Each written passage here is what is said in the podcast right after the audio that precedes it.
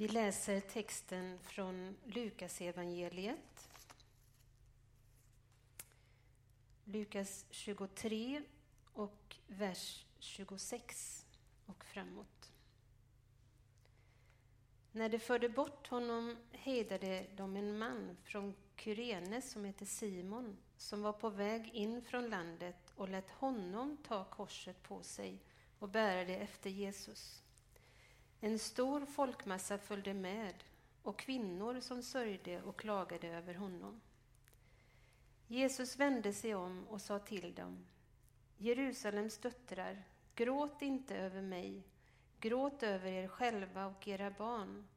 Det kommer en tid då man ska säga saliga de ofruktsamma, det moderliv som inte har fött och det bröst som inte har gett dig. Då ska man säga till bergen, fall över oss och till höjderna, dölj oss. Om man gör så med det gröna trädet, vad ska, man, vad ska då inte ske med det förtorkade? De förde också ut två förbrytare för att avrätta dem tillsammans med honom. När de kom till den plats som kallas skallen korsfäste de honom och förbrytarna, den ene till höger och den andra till vänster. Jesus sa, Fader, förlåt dem, de vet inte vad de gör. De delade upp hans kläder och kastade lott om dem. Folket stod där och såg på. Rådsmedlemmarna hånade honom och sa, ja, andra har han hjälpt, nu får han hjälpa sig själv om han är Guds Messias, den utvalde. Också soldaterna gjorde narr av honom. De gick fram och räckte honom surt vin och sa, om du är judarnas kung, så hjälp dig själv. Det fanns också ett anslag ovanför honom. Det här är judarnas konung. Den ena av förbrytarna som hängde där smädade honom och sa, är inte du Messias? Hjälp då dig själv och oss. Men då tillrättavisade honom den andre. Är du inte ens rädd för Gud, du som har fått samma straff? Vi har dömts med rätta, vi får vad vi förtjänat, men han har inte gjort något ont. Och han sa, Jesus, tänk på mig när du kommer med ditt rike. Och Jesus svarade, sannerligen, Redan idag ska du vara med mig i paradiset. Det var nu kring sjätte timman. Då blev det mörkt över hela jorden ända till nionde timmen. Det var solen som förmörkades. Förhänget i templet brast mitt i tu och Jesus ropade med hög röst. Fader, i dina händer lämnar jag min ande. När han sagt detta slutade han att andas. Officeren som såg det som hände prisade Gud och sa han var verkligen en rättfärdig man. När folkmassan som samlats där som åskådare hade sett vad som hände vände de hemåt och slog mot, med händerna mot bröstet. Men alla hans vänner och bland dem kvinnorna som hade följt med honom från Galileen stod på avstånd och såg alltsammans.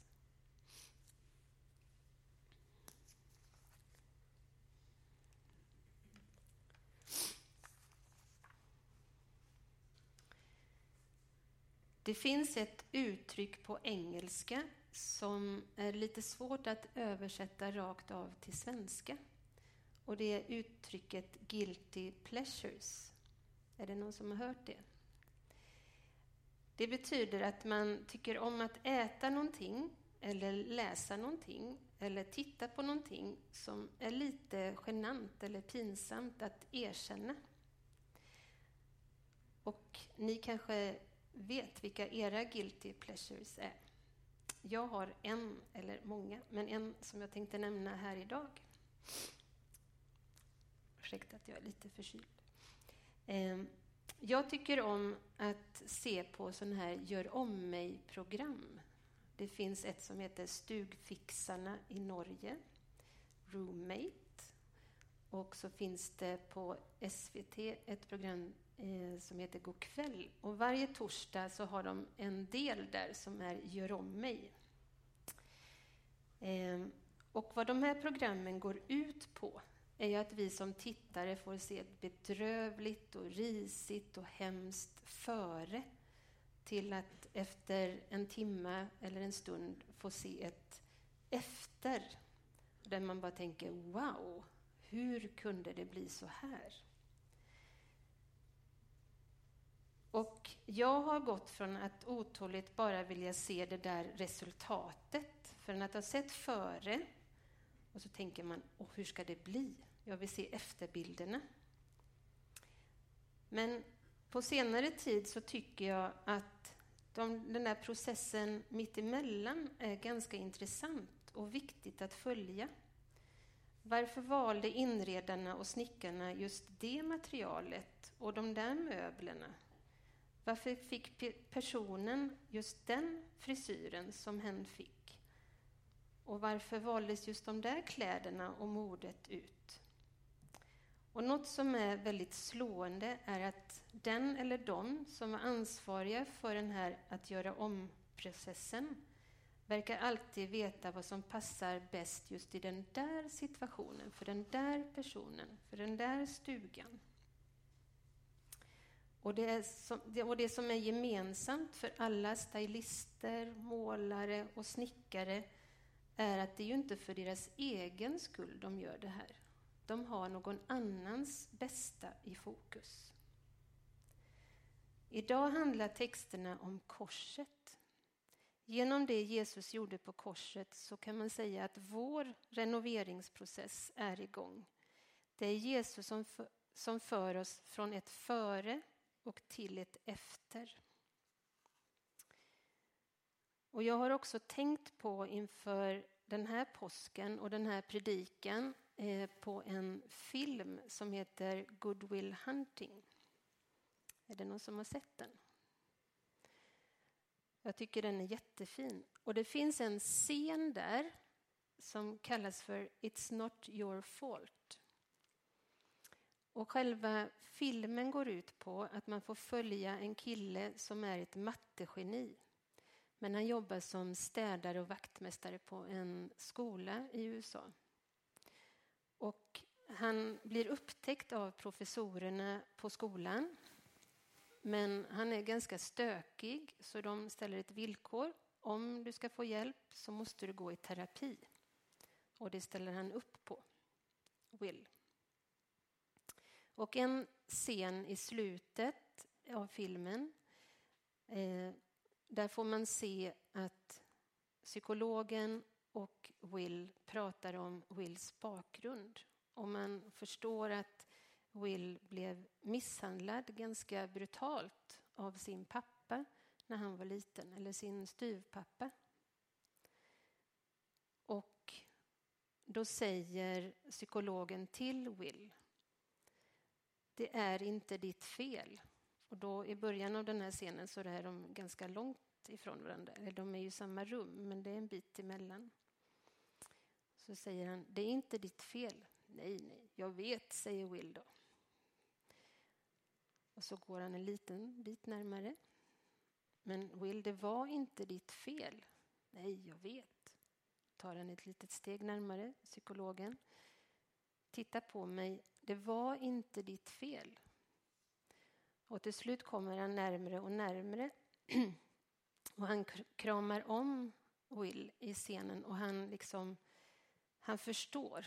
Det går liksom från att vara en kunskap, kunskap om att det var inte hans fel till att han faktiskt inser det och då bryter han ihop.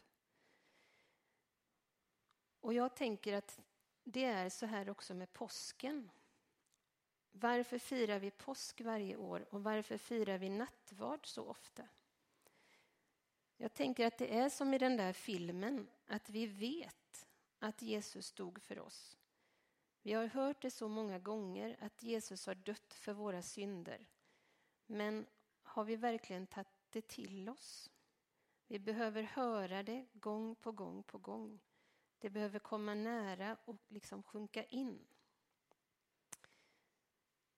Men visst är det ändå jobbigt att läsa de här texterna på långfredagen. Jag tänker på våldet som vi läser om. Det är jobbigt att tänka på och tänka sig att spikar faktiskt har spikats in i Jesu fötter och händer. Att han blev piskad och slagen. Och troligtvis var det så att han hade blivit så illa åtgången att han inte orkade bära korset själv. Och om det var så att en romersk soldat la sitt svärd på någons axel, då var man tvungen att lyda den här soldaten. Och troligtvis var det det som hände med Simon från Kyrene. Att någon la, en romersk soldat la sitt svärd på hans axel. Och då fick han bära Jesu kors. Och Tack så mycket.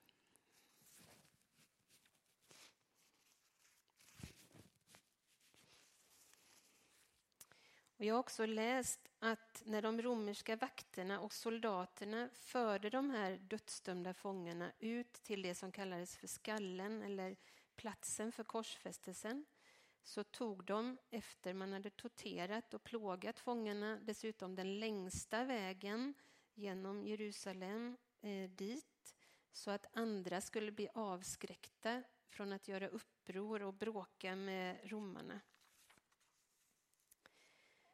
Och en annan sak som sticker ut i texten tycker jag är respektlösheten. De romerska soldaterna delade upp Jesu kläder. Det lilla som man hade, inte någonting fick han behålla. Och tänk så varmt det måste ha varit att hänga där på korset, förutom smärtan. Är det någon här som har varit eh, satt på fasta inför en operation.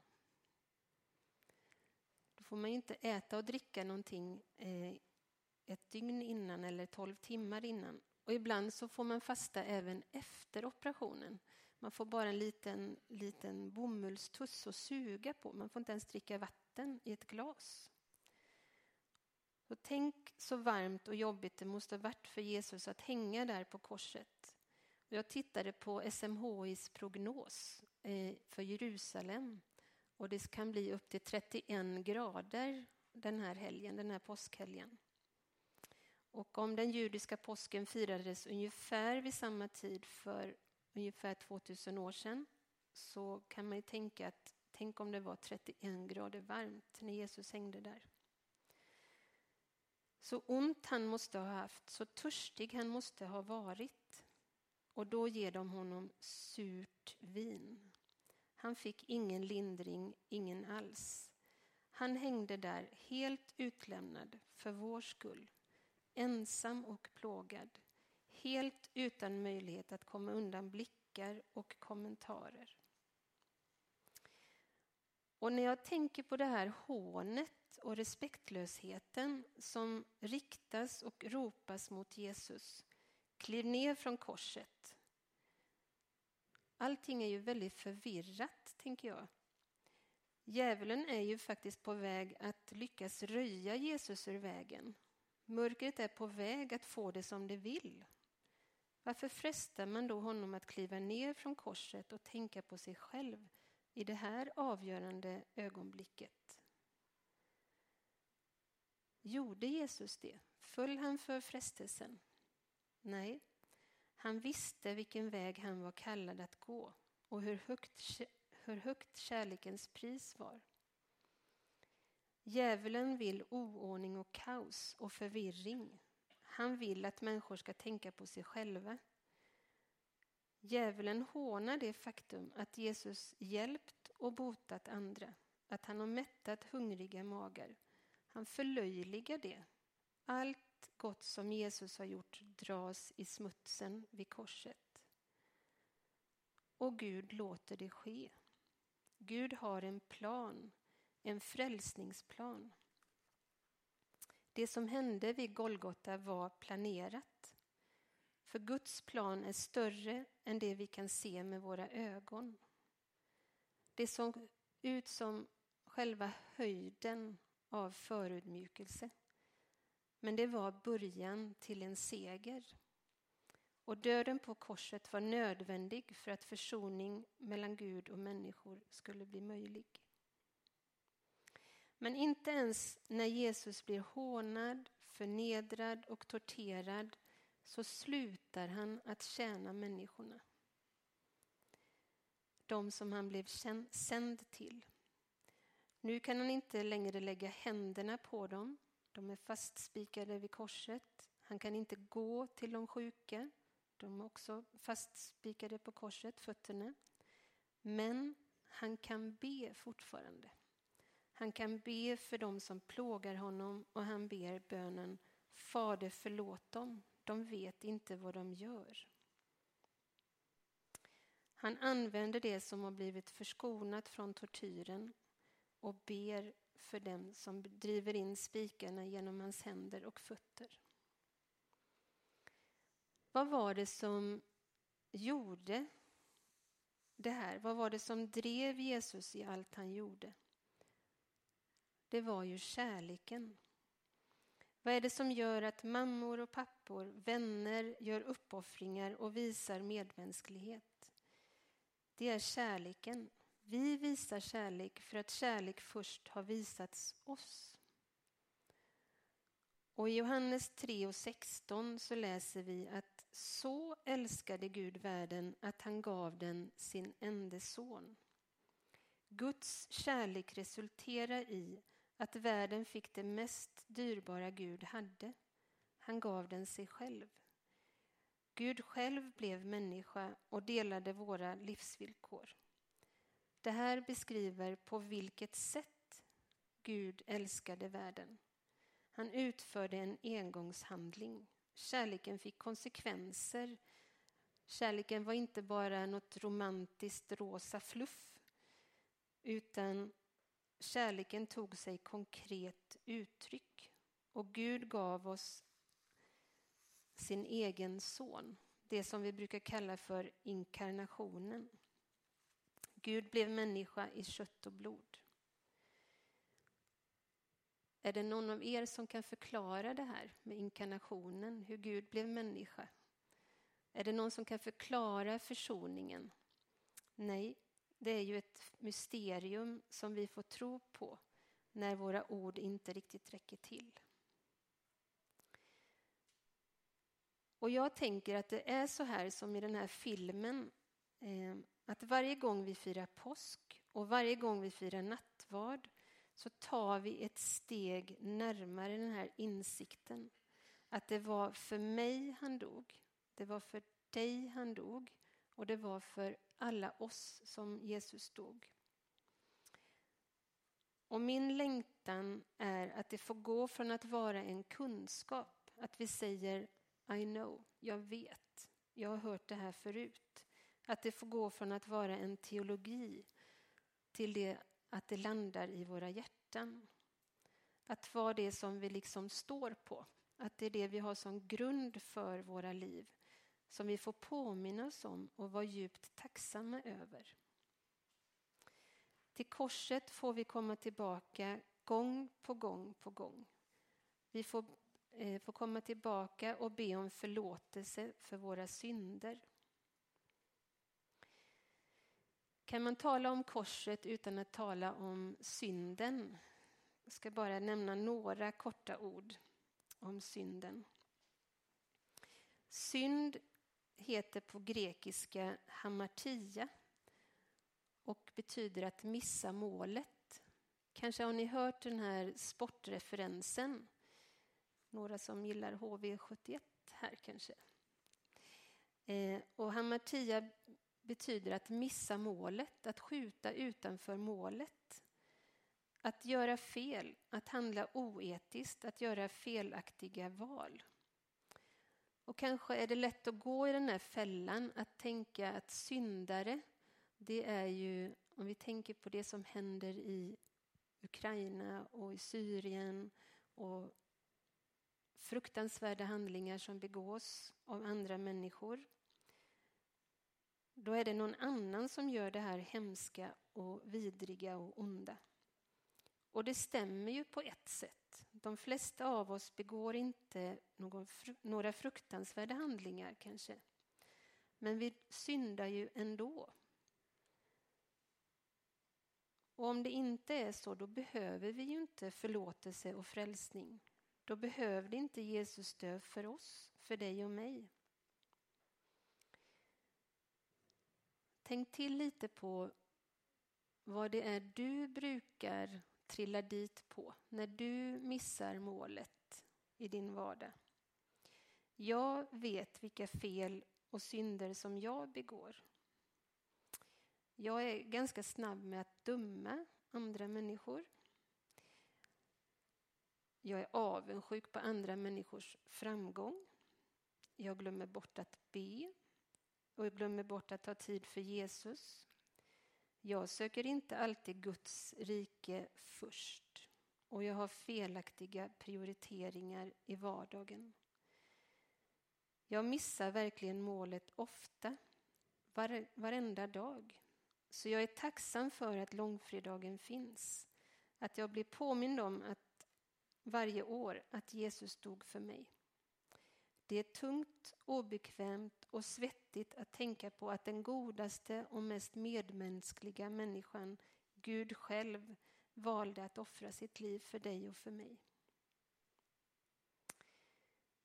Den ene förbrytaren, den som inte föll för grupptrycket och inte stämde in i folkmässans hån av Jesus, bad en enkel kort bön. Tänk på mig när du kommer med ditt rike. Denna enkla lilla bön, tänk på mig, besvarades ögonblickligen av en döende Jesus. Svårt plågad och lidande med orden Sannerligen, redan idag ska du vara med mig i paradiset. Så enkelt kan det vara att bara be en bön. Jesus, tänk på mig. Gud lyssnar på våra böner, våra suckar och våran längtan. Och nu är vi inne på avslutningen. I tacksamhet så vill jag ta emot Jesu erbjudande att låta mitt före sluta där vid korset. Att leva varje dag i den förändringsprocess som ska leda till ett efter som jag inte vet riktigt hur det ska se ut. Kanske vill du också låta ditt efter börja idag. Vill du lämna ditt liv i Jesu händer? Kanske för första gången eller femtioelfte gången eller vilken gång det nu är i ordningen. Det spelar ingen roll för vilken gång det blir. Vi är alltid välkomna till korset. Det finns förlåtelse genom det Jesus gjorde. Vägen är öppen nu Förhänget i templet brast och det finns inte någon eller något som står emellan dig och Jesu försoning längre. Vi ber. Tack Jesus för att du offrade ditt liv för en mänsklighet som inte förstod eller förstår vem du är. Tack för att vi får komma till dig gång på gång och erkänna och lägga våra synder vid ditt kors. Och du börjar om med oss varje dag om det krävs. Tack för blodet som göds och försoningen som finns i dig. Amen.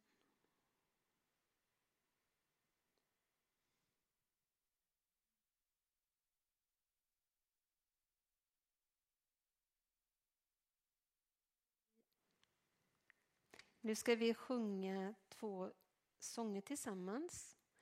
Och då finns det möjlighet att komma fram här och tända ljus och be en bön, kanske börja om. Och även nere vid väggen där. Så vi sjunger psalm eh, 38 och psalm 45.